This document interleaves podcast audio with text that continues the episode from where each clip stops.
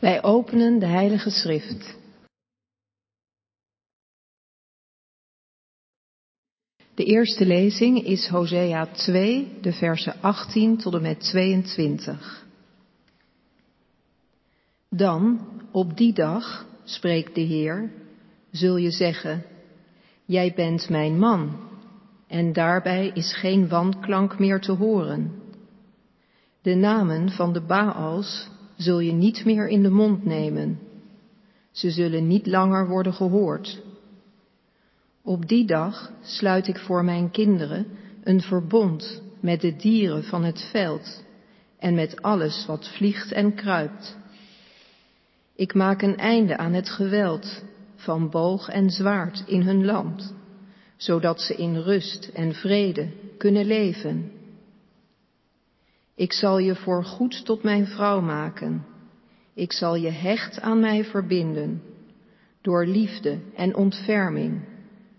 Mijn vrouw zul je zijn, want ik beloof je trouw, en jij zult de Heer toegewijd zijn.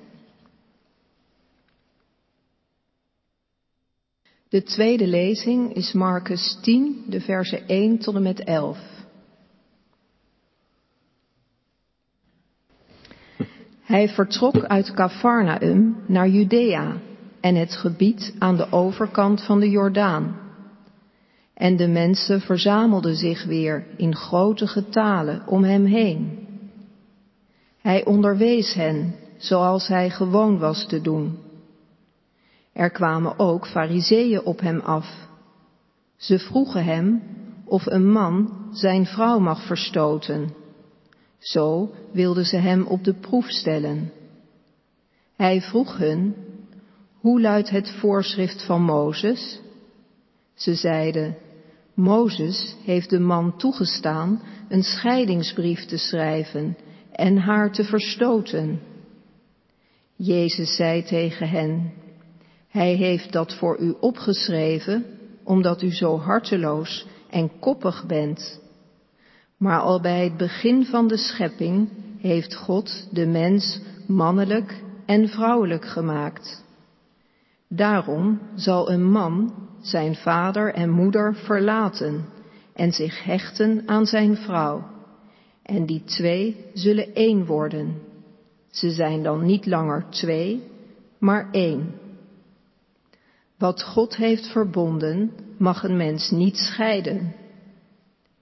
In huis stelden de leerlingen hem hier weer vragen over. Hij zei tegen hen, wie zijn vrouw verstoot en met een ander trouw, trouwt, pleegt overspel. Zo luidt het woord van de Heer. Gelukkig te prijzen is diegene die het woord van God hoort en het bewaart. Halleluja.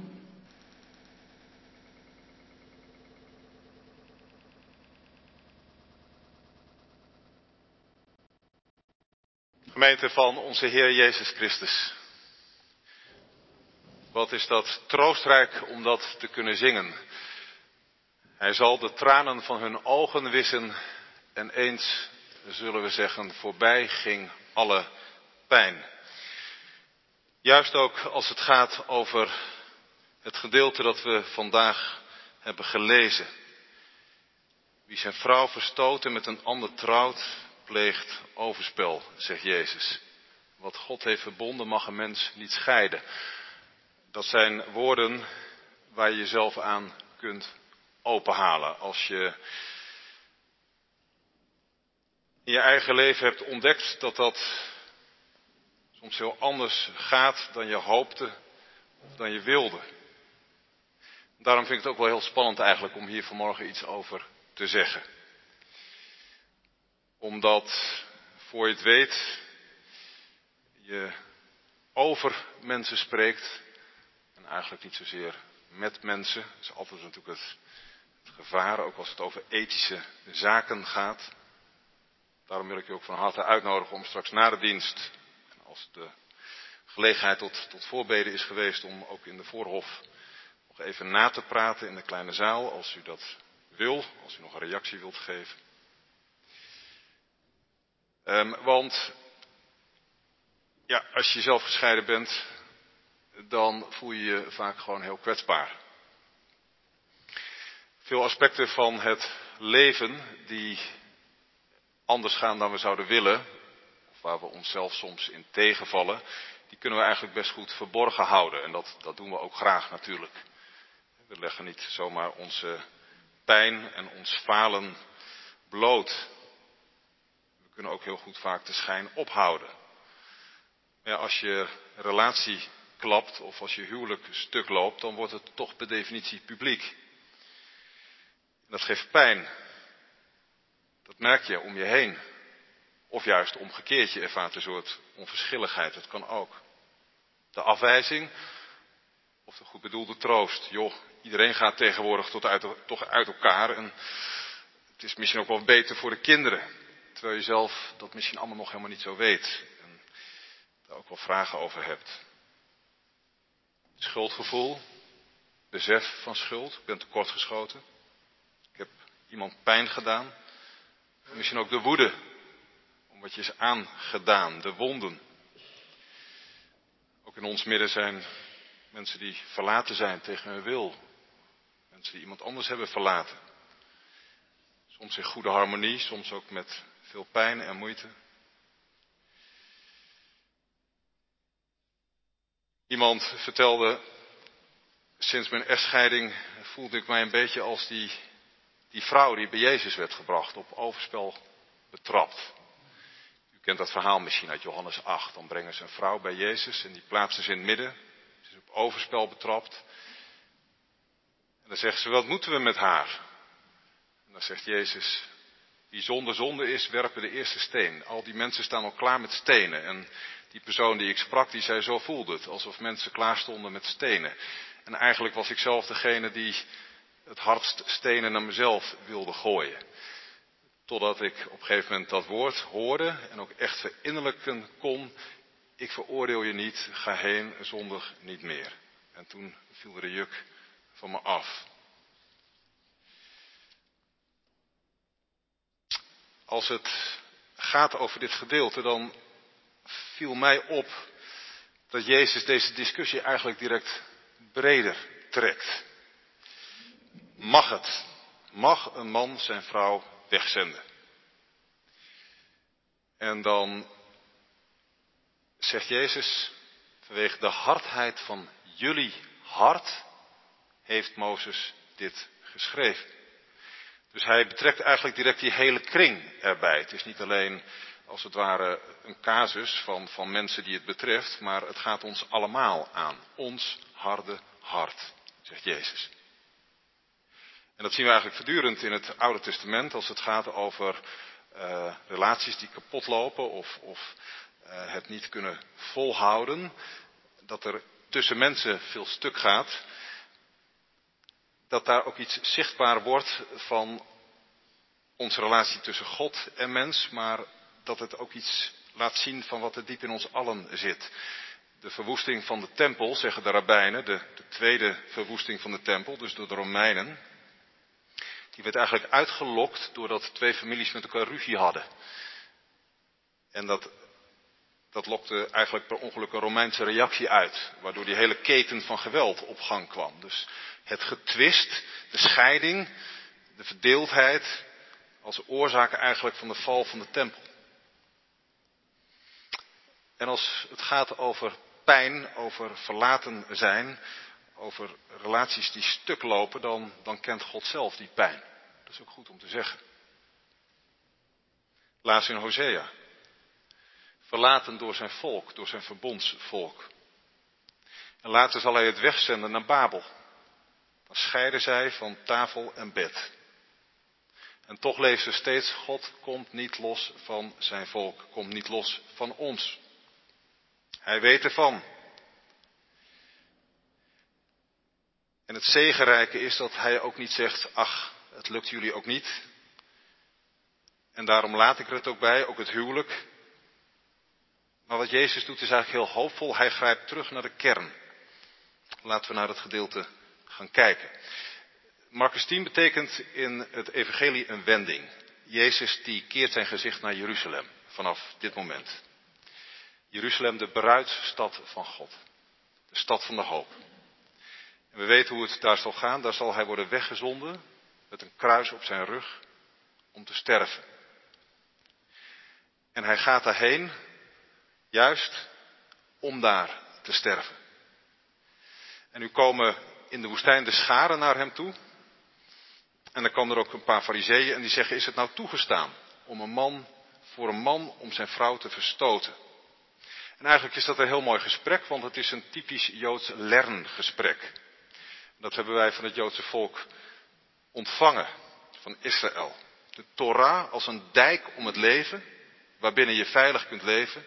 En steeds opnieuw de vraag, wat betekent dat nu? En daarover in gesprek gaan, een soort beraad. En dat zien we hier ook, een soort leergesprek.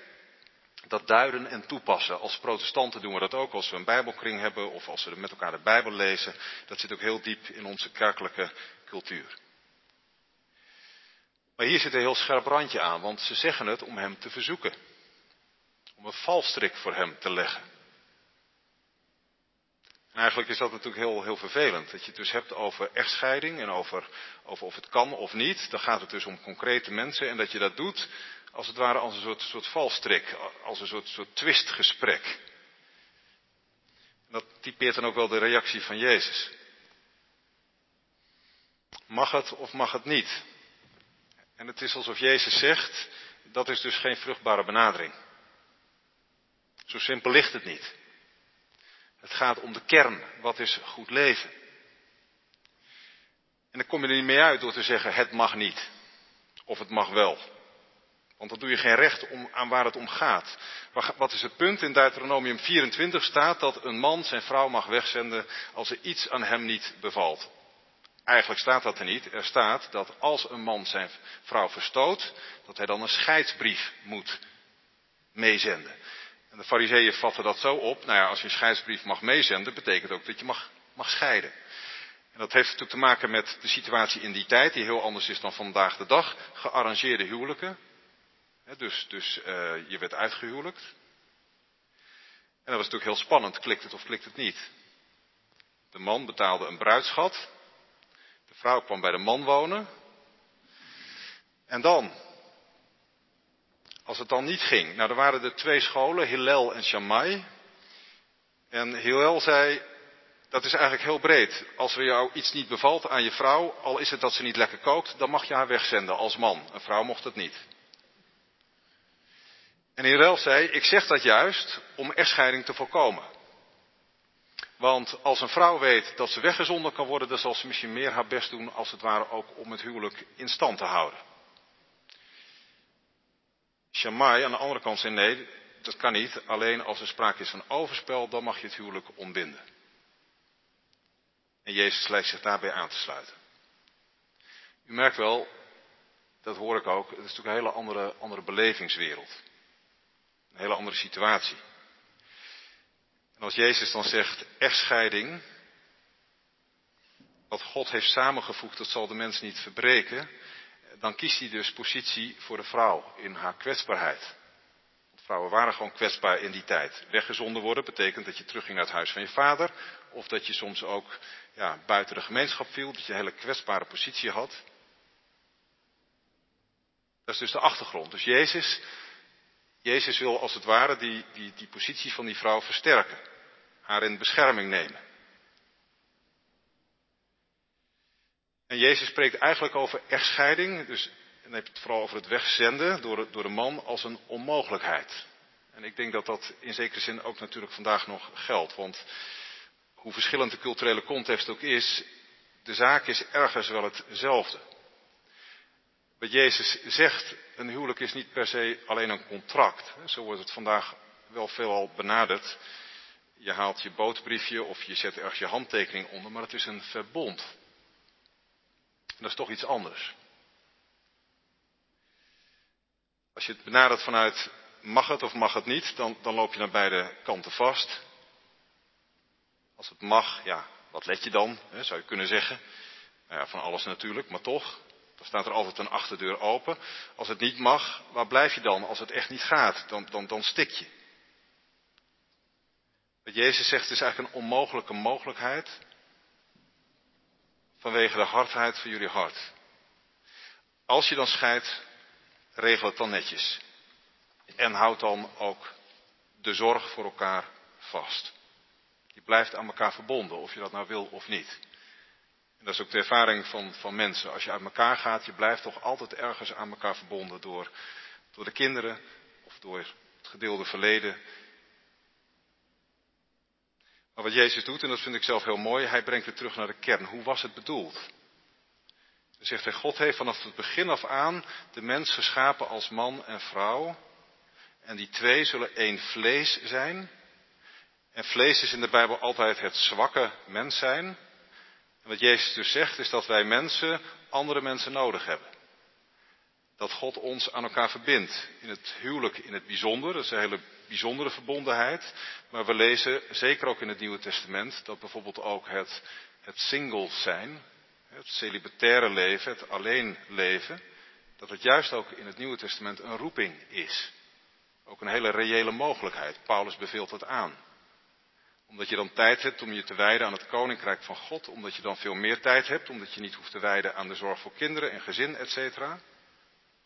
Maar ook dan geldt natuurlijk, mensen hebben mensen nodig. Maar in het huwelijk wordt dat heel, wordt dat heel zichtbaar. Die twee zullen één zijn. Dat betekent dat, dat je als het ware een soort, soort eenheid gaat vormen. En als Jezus dan zegt wat God verbindt, dan gebruikt hij eigenlijk het beeld van twee ossen voor een ploeg. Dus God brengt man en vrouw, brengt huwelijkspartners bij elkaar onder dat ene juk zou je kunnen zeggen. En wat is dan het doel? Dat zij samen in Gods koninkrijk iets kunnen betekenen. Dat ze samen de ploeg over de akker mogen trekken, elkaar tot hulp tegenover zullen zijn. En als dat ontbonden wordt, dan dan, dan ontvalt dat instrument dus in zekere zin ook. Dus wat je zou kunnen zeggen is dat het huwelijk een roeping is. En mijn vraag zou zijn, zou dat niet kunnen helpen? Ik gewoon als vraag ook aan u voorleggen. Als het nou heel ingewikkeld is in je eigen huwelijk, dat kan. Als het soms gewoon uh, hard werken is zou het dan kunnen helpen om, om zo naar je huwelijk te kijken?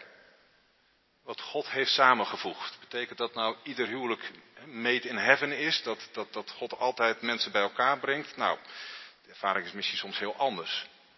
Maar op een gegeven moment dat je dat, dat, dat je dat toch hebt uitgesproken aan elkaar, dat je dat zo aanvaardt. Dat je zegt, ik aanvaard die ander iedere dag opnieuw uit Gods hand aan mij geschonken. Om elkaar te dienen, om elkaar lief te hebben. Om ook aan elkaar te slijpen. Je eigen egocentrisme als het ware ook af te leren. Daar is het natuurlijk ook heel geschikt voor.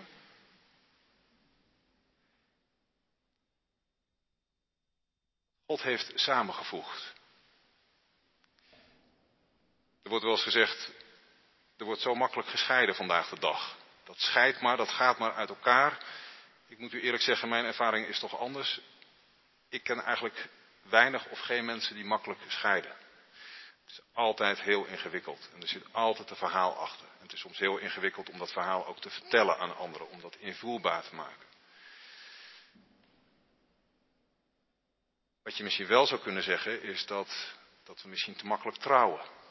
Ja, te makkelijk trouwen, zo makkelijk gaat dat ook weer niet. Maar wat ik bedoel te zeggen is na te denken over wat betekent het huwelijk. die ander echt te aanvaarden uit Gods hand. En dus ook bij elkaar na te gaan, zitten wij op dezelfde golflengte, zitten wij op dezelfde geestelijke diepte. Hebben we hetzelfde doel ook in het huwelijk. En dan nog is dat geen garantie.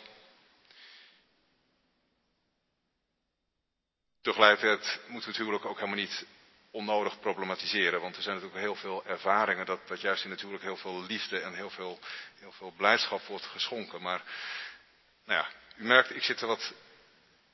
Ik zoek er een beetje naar wat, wat, wat, heeft, dit, wat heeft dit te zeggen. Het huwelijk als, als, als instelling van God geschonken, aan elkaar geschonken. Niet alleen om elkaar te dienen, maar de wereld te dienen, elkaar te dienen. En wat ik wel zo mooi vind, dat kom ik ergens tegen, wat God heeft samengevoegd zal de mens niet scheiden. Dat is niet alleen een soort gebod, maar er klinkt ook iets door van een belofte. Want Er breekt ons soms van alles bij de handen af. En dingen gaan soms onherstelbaar stuk. Tegelijkertijd klinkt dan ergens ook de belofte wat, wat God heeft samengevoegd, dat kan de mens haast ook niet scheiden. En dan vind ik dat ook heel troostrijk in de relatie tussen God en mens. Want hoe vaak lopen wij niet bij God vandaan? Hoe vaak laten wij Hem niet in de steek? Gaan wij onze eigen weg? Innerlijk ook. Dat Hij ons steeds weer erbij trekt. En daarom gaat Jezus ook naar Jeruzalem. Om tot het uiterste zijn hand naar ons uit te strekken. Om ons vast te houden door alle pijn en alle moeite heen. En dan denk ik ook aan de relatie tussen kerk en Israël. Wat God heeft samengevoegd zal de mens niet scheiden. Wat zijn we uit elkaar gegroeid? Israël en de kerk. En met Israël bedoel ik niet de staat Israël of zo, maar, maar het, het Joodse volk. Wat, wat, wat natuurlijk ook in de staat Israël woont, maar van oudsher door God bij elkaar gevoegd, aan elkaar verbonden, scheiding gekomen. Heeft heel veel pijn gedaan, ook heel veel leed berokkend. Ja, dat God zich ervoor inspant dat dat ook weer bij elkaar komt en dat dat eens ook weer bij elkaar eh, zal komen. Dat we ons daar zelf ook voor mogen inspannen. Wat God heeft samengevoegd, zal de mens niet scheiden. Daar ligt onze hoop. Daar ligt onze verwachting. En zo mogen we straks ook in de kring gaan staan met elkaar. Elkaar vasthouden, met elkaar meeleven, elkaar vergeven maar ook geloven dat er ontgeving, vergeving wordt ontvangen. Dat er een heiland is, een heelmaker. Die door onze breuken en brokken heen komt tot zijn bestemming.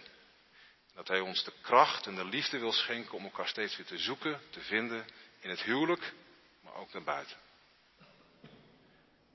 Zo mogen wij met elkaar vieren dat God niet loslaat wat zijn hand begon. Amen.